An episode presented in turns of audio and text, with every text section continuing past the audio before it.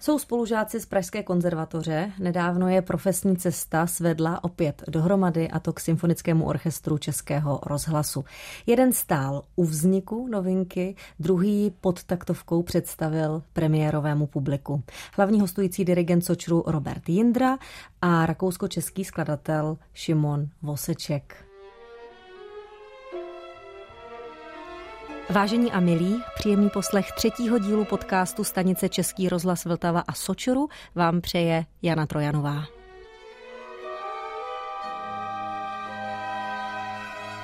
Šimon Voseček žije jako hudebník na volné noze ve Vídni. Od roku 2012 je členem divadelní a performativní skupiny Schaluntrauch Agency. Působí v ní jako skladatel, hudební režisér, performér, režisér a divadelní pedagog. Dále vyučuje na skladatelských kurzech, angažuje se v Mezinárodní společnosti pro soudobou hudbu, dostává zakázky od tuzemských, rakouských, ale i dalších orchestrů a festivalů. Šimone, co považujete zamezník ve vaší kariéře nebo třeba i pomyslný odrazový můstek? To, co mě nějak jako nakoplo asi, tak byla premiéra mojí druhé opery Biederman a Žáři, která byla ve Vídni. A vlastně mám trošku pocit, že všecko, co dělám od roku 2013, tak nějak jako následuje vlastně na tuhle tu premiéru.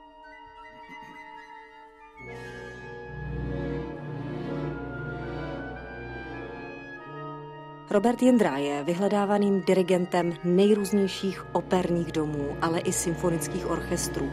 Od září 2021 zastává post šéf-dirigenta státní filharmonie Košice, je hudebním ředitelem Národního divadla v Praze a rovněž hlavním hostujícím dirigentem Sočeru. Roberte, co považujete za mezník ve vaší kariéře? Tak to je otázka, kterou si kolikrát pokládám vlastně sám. Já se přiznám, že vlastně každý okamžik, který vás nějakým způsobem posouvá, je ten mezník. Takže když se jakoby podívám dozadu, tak vlastně všechny události, které se v mé kariéře staly, tak byly ve správný čas, na správný post, já jsem vlastně začínal na začátku jako asistent zvormistra Národního divadla a později jsem byl asistent dirigenta, dirigent, až jsem se stal teda hudebním ředitelem Národního divadla. Potkal jsem mnoho důležitých lidí, kteří vlastně mi pomohli najít cestu, vydat se správným směrem. Měl jsem štěstí opravdu na lidi tady v Národním divadle, kteří si mě tak trochu, já říkám, vychovali. Někdy, když přijdou za mnou si i na něco postěžovat, tak je říkal, jakýho jste si mě vychovali, takovýho mě máte ale vůbec bych na tom nic neměnil. Ono dneska je taková tendence, že všichni mladí talentovaní umělci chtějí hned někde šéfovat. A já si prostě myslím, že když chcete být dobrým šoférem, tak nejdřív musíte poznat, z čeho se to auto skládá a jak se řídí a to chce čas. A důkladně ten čas rozvážit, jít opravdu cíleně schůdek po schůdku a ta cestička vás tam dovede. A samozřejmě je to také věc štěstí a já měl opravdu báječné lidi kolem sebe, kteří se mi věnovali, ať už to byli tady členové souboru Národního divadla nebo paní Zalinková, která byla nápověda Národního divadla, ta se mě vlastně ujala a vysvětlovala mi poprvé, co znamená v klavíráku recitativ a samozřejmě takový klíčový člověk potom byla moje paní profesorka na konzervatoři Miriam Němcová, která mě vlastně úplně vystavila základní dirigentskou techniku a dost takový zásadní mezník, asi rozhodující byl moje spolupráce s Johnem Fiorem, který tady připravoval prsten Nibelungu v Národním divadle v koprodukci s Düsseldorfskou operou a vlastně on mi poprvé nabídl spolupráci v zahraničí.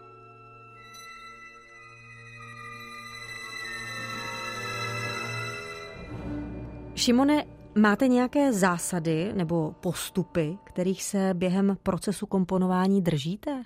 Musí mě to bavit, no. je dobrá zásada. musí mě to bavit a musím mít jako svůj vlastní posluchač pocit, že ta skladba funguje dramaturgicky. Já si myslím, že jsem trošku posedlej dramaturgií. Možná je to i kvůli tomu, že se to vlastně na hudebních univerzitách neučí. Jako skladatel bych měl dávat pozor na to, aby publikum si to jako rádo poslechlo. Můj hlavní fokus je vlastně dramaturgie. Mnozí hudební skladatelé, ať už z přemíry, sebekritičnosti nebo jiných pohnutek, svá díla přepracovávají. Jak jste na tom vy? Také přepisujete, nebo když je dílo hotové, tak už do něj prostě nezasahujete? Tak i tak. Robert Jindra dirigoval Soudničky, moji první operu, kterou jsem napsal v roce 2000 a v roce 2008 byla druhá produkce, zase v rámci operního studia konzervatoře. Já jsem se na to tehdy podíval a rozhodl jsem se, že udělám revizi a myslím si, že ta revize tomu na jednu stranu prospěla, ale možná, že by stálo za to tu revizi zase vrátit o několik kroků zpátky. A co se týče Poltron V, tak tam si myslím, že některé detaily by možná stály za přepracování, ale pokud by se tak dělo, tak pouze tehdy, když by byla opravdu nová produkce. Máte nějaký nástroj, pro který komponujete nejraději? Ne. ne. Myslím si, že mám svoje silné stránky, psaní pro hlas. Zpěváci s tím obvykle bývají spokojení a bavilo mě psát pro orchestr. A když jsme u orchestru, Roberte, co obnáší zastávat post prvního hostujícího dirigenta právě u orchestru? Pan ředitel Čížek přišel s úplně s jasným plánem. Každá sezóna by zahrnovala dva abonentní koncerty velké a pak už o těch dalších projektech, jako třeba natáčení, anebo menší projekty, třeba jako jsme dělali teďka v Betlemské kapli Šostakoviče, už jsou na naší domluvě. Jak se člověk vyvíjí, a teď myslím vyvíjí profesně, stává se, že nahlíží na stejné věci odlišně. Ve vašem případě zažil jste situaci, že jste byl osloven na dirigování díla, které jste provedl před lety a najednou vám ta vaše původní interpretace, ten způsob provedení vlastně nepřišel tak úplně šťastný a dokonce ani nepovedený. To je věc, kterou já řeším možná ještě dřív než po skončení té produkce. Mě totiž už během zkouškového procesu při většině věcí, které mám nějaký názor, nějakou myšlenku, kterou do toho chci dostat, ale už během těch zkoušek mě běhá hlavou, jak to udělat ještě jinak. Mám rád tvořivost, dokonce nejsem takový ten autokratický dirigent, který prostě má jasně připravenou tu partituru. Takhle to musí být, jinak to nejde. Já velmi vnímám a ctím kolegy hudebníky, když přinesou myšlenku, která není úplně totožná s tou mojí, ale cítím, že funguje, já se vůbec nebráním tomu jí přijmout. Já prostě neberu vztah dirigenta a muzikanty za nějaké své, řekněme, teď to řeknu v úvazovkách, otroky, kteří musí jenom dělat povely moje, já je beru za kolegy. Já moc takové ty stěny, jak se staví, že dirigent je ten pán Bůh, ostatní se tomu musí jenom pokorně pokořit, já to tak nevnímám a asi nikdy vnímat nebudu ani nechci. Miluji tvořivost, flexibilitu a zbožňuji, když mě někdo inspiruje. Pro mě největší odměna, když samozřejmě člověk musí přijít připravený, musíte mít představu, co vlastně vyžadujete, co chcete, ale miluji tu konfrontaci, když muzikanti nabízejí vlastně něco z jejich úhlu pohledu a je to jako, když vaříte společně nějakou super polívku, takže když najednou vám někdo poradí, hele, ale tahle ingredience není úplně od věci, uvidí, že ti to bude chutnat, tak já nemám strach to vyzkoušet, nemám takový ten pocit toho, že jediný já musím mít vždycky pravdu. Znova zdůraznuju, člověk musí přijít připravený, to je základ, protože hudebníci velmi rychle vycítí, když přijde dirigent a něco tam vaří z vody a neví vlastně o čem mluví. Vím to, že jejich empatie a cit proto se dostaví velmi rychle, že to vycítí a podle toho se pak odvíjí celý zkouškový proces a nedej bože i koncert. Prostě nedovolil bych si přijít nepřipravený před orchestr. Já se přiznám, že kdybych nastudovával znova jakoukoliv věc, kterou už jsem předtím dělal, tak vždycky na to jdu zase z jiné strany, protože ten předchozí zkouškový proces nebo to provedení mě inspiruje k tomu spíš, čemu se vyhnout. je to paradoxní, ale je to tak.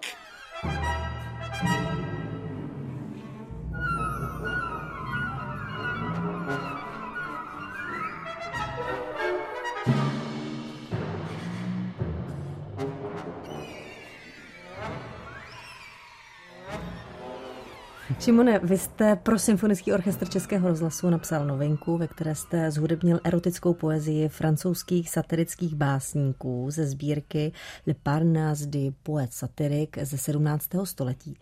Psal jste přímo na objednávku Sočurů, a když je to přímo na objednávku, tak co všechno se skrývá pod tímto procesem? Protože předpokládám, že vás někdo kontaktoval a pak následovalo co?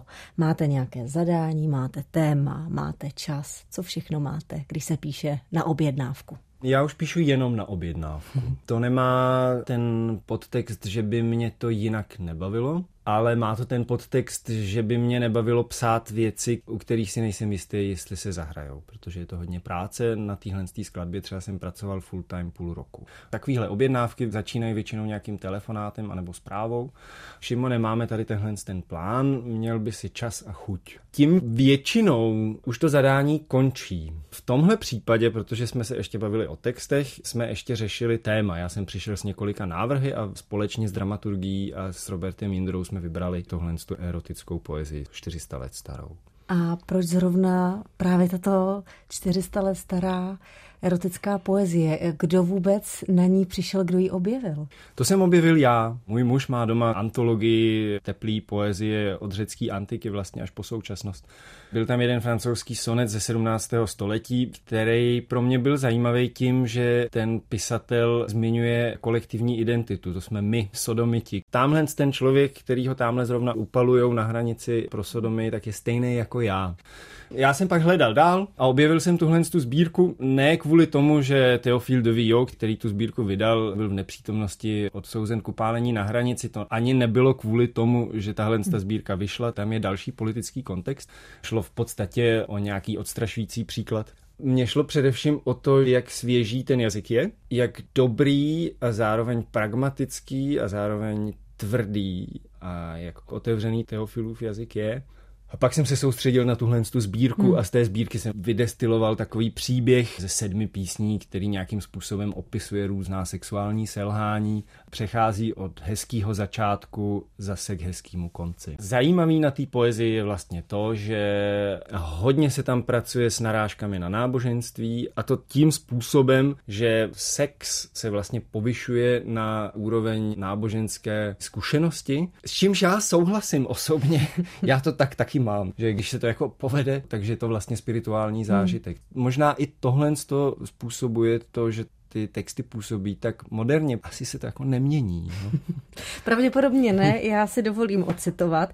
Pan lékárník si postesk, běda, má žena nesváje a bledá. Jsem paroháč, o anděli.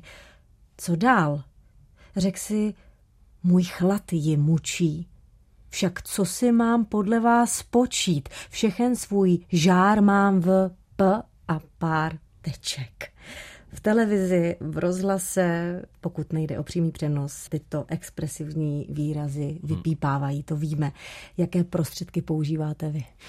Původně jsme domluvili s dramaturgií a i s Robertem Jindrou, že všechna tahle jaksi citlivá slova se vypípají. Já jsem to v té partituře dodržel, ale když jsme se pak setkali na zkouškách a když si poslechnete záznam z koncertu, tak zjistíte, že to vypípávání v té skladbě vlastně asi nehraje žádnou roli. Tohle třeba by byla jedna z věcí, o který přemýšlím v tuhle tu chvíli, když bych dělal revizi, že speciálně třeba druhé číslo té skladby, že by se vypípalo tak, že by to bylo poznat. V tom případě by ale bylo nutné, aby zpěváci se opravdu jako odmlčeli a aby orchestr něco jako zapípal. Jo? Já jsem předpokládal, že ty zpěváky jako orchestr přehluší a nějak jsem zapomněl, že to nefunguje, protože v momentě, kdy orchestr přehlušuje zpěváky, tak orchestr přehlušuje zpěváky a vypadá to, jako by člověk neuměl instrumentovat. Naštěstí těch citlivých slov tam nebylo tolik, abych měl pocit, že je to vysloveně chyba jako v kompozici. Ale řekl bych, že to vypípávání se vlastně jako nepovedlo, nebo že to nevyšlo, a nebo že nebylo potřeba, možná. Hmm. Vaši novinku nastudoval Symfonický orchestr Českého rozhlasu, pěveckých partů se zhostili byli mecosopranistka Jana Kurucová a baritonista Daniel Luis de Vicente, ti všichni pod taktovkou Roberta Jindry. Vy jste se účastnil zkoušek. Jak hodně mohl pan dirigent zasahovat do skladby nebo obráceně vy do té jeho interpretace? Na všem jsme se domluvili.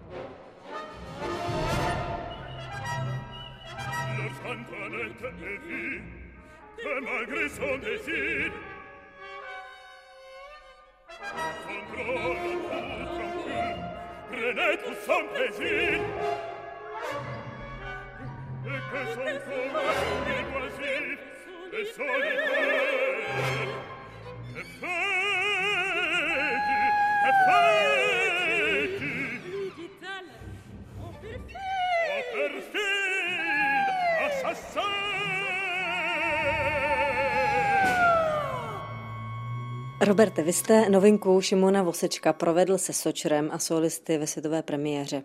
Co na ní vnímáte jako nejzásadnější? Čím vás vlastně ta novinka asi nejvíc oslovila, dokonce možná třeba zasáhla? Přiznám se, že nejsem úplně specialista na soudobou hudbu. Já se tomu nevyhýbám, ale zároveň nejsem takový ten dirigent, který tyto věci vyhledává, staví na tom svoji kariéru nebo v tom vidí jako nějaký fokus svého zaměření. Nicméně, když přišla nabídka, že bych mohl zadirigovat koncert, kde zazní vlastně světová premiéra nějakého díla a já jsem první otázku říkal, no jo, ale kdo to napíše, protože, jak říkám, přiznávám, nejsem na to specialista, některé soudobé věci mi přijdou vlastně už za hranicí toho, co se dá nazvat hudbou, že to jsou spíš pokusy ze zvuky a různé improvizace. Pro mě třeba není skladba, když se nasype příbor do klavíru a bouchá se do toho palicí na cásce. To prostě pro mě není hudba, ale jakýsi pokus ze zvuky.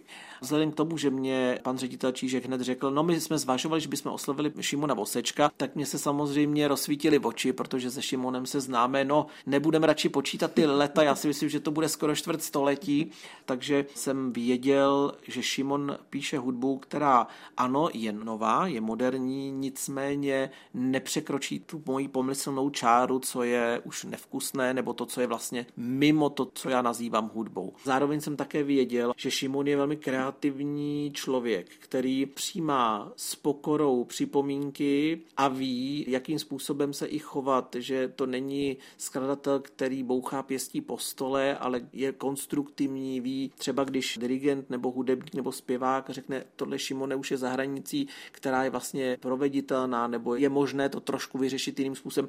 On v ten moment k tomu přistoupí velmi profesionálně a kreativně, že umí zasáhnout v klidu bez emočně, bez nějakých, řekněme, hysterických výlevů. Zkrátka je to kolega, profesionál, s kterým je ta spolupráce postavená na sounáležitosti, že jde o jeho věc a on i s pokorou vlastně ty připomínky vnímá, protože ví, že to je pro dobro toho výsledku. Takže to je taky velká deviza, protože ne každý soudobý skladatel to tak vnímá, jak se říká staré heslo, dobrý skladatel je mrtvý skladatel, tak v tomhle případě bych řekl, že je to opravdu výjimka, že Šimon je skutečně člověk, který samozřejmě požaduje, aby dílo vyznělo tak, jak ho napsal, ale zároveň s pokorou vnímá různé připomínky a postřehy, které vlastně můžou tomu dílu nějakým způsobem paradoxně i pomoci a mám to hrozně rád, tenhle přístup. Přál jste si něco, aby si premiérové publikum odneslo z poslechu, nebo možná ani ne premiérové publikum, i klidně to rozhlasové a i to další a další? Tak samozřejmě, když vzniká takhle úplně nová věc, která poprvé zazní, je to vlastně světová premiéra, tak člověk je v takovém určitém napětí spíš než očekávání, musím říct. A já jsem se vlastně Šimona, když přišel do Rudolfína před premiérou, tak jsem se ptal, jak se cítíš, jak se cítí skladatel, když prostě poprvé předvede něco, co nikdo nezná. A Šimon, jak je mu to vlastní, říká, hele, vlastně dobře, je to něco mezi totálním stresem a totální radostí.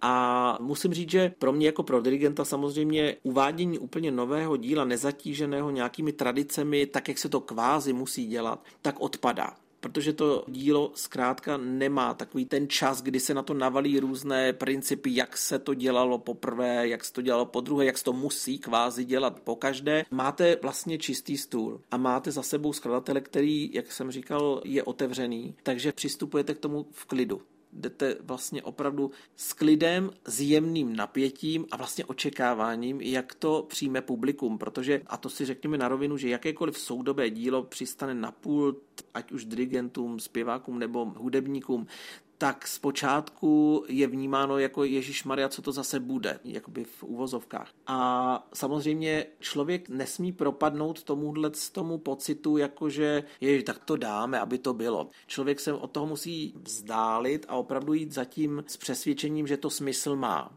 Mě vlastně takové to probourávání té bariéry, toho odstupu od toho díla strašně baví, protože speciálně třeba u tohoto díla Očímona ten vývoj byl úplně zřetelný ze dne na den, že vlastně skutečně každý den jsme si uvědomovali, že to dílo svoji, řekněme, relevantnost a váhu má. Je to specifický hudební jazyk, pro mě to bylo vlastně trochu překvapení, protože Šimonův rukopis, jak jsem říkal, znám dobře, ale přeci jenom jsme se nějaký čas neviděli a neslyšel jsem dlouho jeho dílo nebo skladbu, takže jsem byl vlastně překvapený, kam až došel, kam se vlastně ta jeho hudba vyvíjí a měl jsem takový ten pocit, takový, že mě zajímalo, jakým způsobem to divák přijme. Jsou dvě varianty. Buď je to ten klasický abonent, který chce zažít krásnou klasickou hudbu a naopak publikum které je sice menšinové, ale přesto je a musíme ho respektovat, očekává ty novinky a nové věci. A tento věčný boj patrně nikdy nezmizí, že bude boj, jestli je teda potřeba novou hudbu tvořit, nebo nesi už všechno dobré bylo napsáno.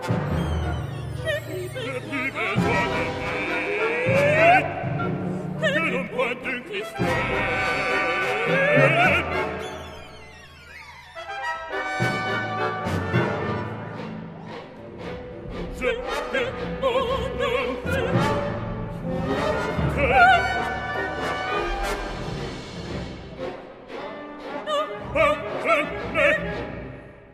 Světová premiéra proběhla ve Dvořákově síni pražského Rudolfína. No a mě by zajímalo, jak byla skladba přijata premiérovým publikem a vůbec jak to vnímáte vy, to první uvedení, protože jste byl přítomen v publiku. Myslím si, že názory byly jako různé. Nikdo neodešel. Víte co, já to vnímám tak, hudba je práce s časem. Někdy čas plyne rychlejc, někdy čas necháte zastavit té skladbě se čas zastavuje poměrně často a zdálo se mi, že to všechno funguje, protože publikum ani nedutalo. Já jsem tu premiéru vnímal jako úspěšnou a měl jsem pocit, že se skladba líbila a ti lidi, kteří mluvili se mnou, tak mě říkali, že to bylo dobrý, včetně mých kolegů. Co obdivujete na Robertovi Jindrovi? Robert Jindra je skvělý dirigent. Umí neuvěřitelně dobře zacházet se zpěvákama, já si cením i toho, že na scéně, když diriguje, nedělá show pro publikum, zůstává na straně hudby a na straně muzikantů a pracuje s nima. Myslím si, že se pod ním dobře hraje.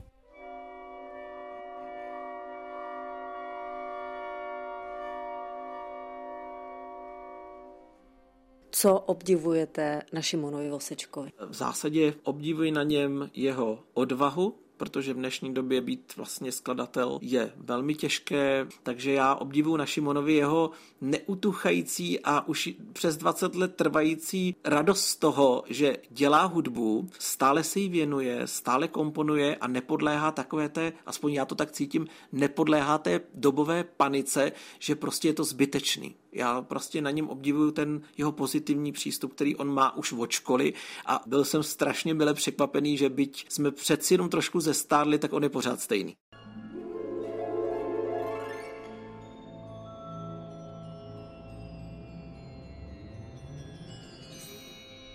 Čím je pro vás ticho?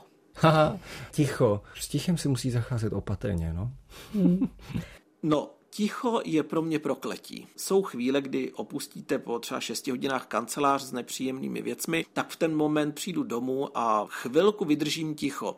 Jenže za 20 až 30 minut už to ve mně začne zase hrát a už lezu po mých skřínkách s nahrávkami a ticho je pro ně asi trest. Já si nedovedu třeba představit, že by mě někdo odvezl někam na pustý ostrov, kde bych neměl možnost prostě mít kontakt s muzikou, s hudbou. Co je vaším snem? Odpočinout si. To je vlastně velmi jednoduchá, ale zároveň strašně komplikovaná otázka. Já měl to štěstí, že hodně z mých snů se naplnilo a možná i trochu předčasně. Já se nechám vést životem a vlastně jsem rád za to, že ten život to zatím vede tak, že mi pomáhá si ty sny nesplněné a vlastně možná i nesplnitelné tak mi pomáhá je splnit. A já právě nikdy nežehrám na život nebo na svou kariéru, protože vlastně nemám k tomu sebe menší důvod. Člověk si zanadává, občas to jako zase já umím zahromovat, když přijdou věci, které opravdu se vztahují většinou k té administrativní činnosti, ale já vlastně mám to štěstí, že mě ten život těma snema doslova provádí. Co je vaší noční můrou? Pár nočních můr už jsem prožil za svojí kariéry a myslím si, že už vím, jak se jim vyhnu. No, ono to je vlastně spojený s těmi snami. Já vlastně v dnešní době vnímám, že svět opravdu není v pořádku, že lidstvo se nepoučilo ze starých chyb a patrně se ani poučit nechce. Lidé přestávají mít zájemný respekt a úctu, přestávají si pomáhat a samozřejmě každá doba měla své problémy. Ale moje černá můra asi největší je, že lidé přestanou věřit v to, že život má smysl a že ten smysl života není v tom, že jemu samotnému je dobře. Kde hledáte inspiraci? V deadlineu. Já vlastně inspiraci hledám většinou právě v hudbě. V tom, když můžu jít jako divák navštívit koncert nebo nějaká představení, mě to nějakým způsobem zasahne, mám z toho nějaký zážitek, nějaký pocit a je to pro mě zároveň i inspirací, protože se snažím opravdu jezdit po těch představeních a umělcích, kteří opravdu jsou na té špičce a samozřejmě to, co vnímáte a můžete vidět ten jejich přístup, tu práci a vlastně i tu pokoru, nebo i tu sebestřednost, tak pro mě je to inspirace. Co byste vzkázal posluchačům? No já bych chtěl posluchačům spíš poděkovat, že stále ještě vnímají kulturu jako nezbytnou součást naší kultury, nezbytnou součást našeho života a garantuju vám, že nejkrásnější honorář pro mě na světě v té nejvyšší možné míře je, když vidím nadšené tleskající a jásající publikum. A já bych chtěl divákům vzkázat, že jim za to děkujeme, že jsou nám věrní, že chtějí kulturu a že nám dávají najevo tím, že chodí na koncerty, poslouchají rozhlas, sledují představení. Takže si toho vážíme. Hostem taktovky nového podcastu stanice Český rozhlas Vltava a Symfonického orchestru Českého rozhlasu byli skladatel Šimon Voseček a dirigent Robert Jindra. A Jana Trojanová připomíná, že si tento pořad můžete poslechnout ještě na můj rozhlas, Spotify a v dalších aplikacích. Mějte se krásně, těším se opět na slyšenou. Oh!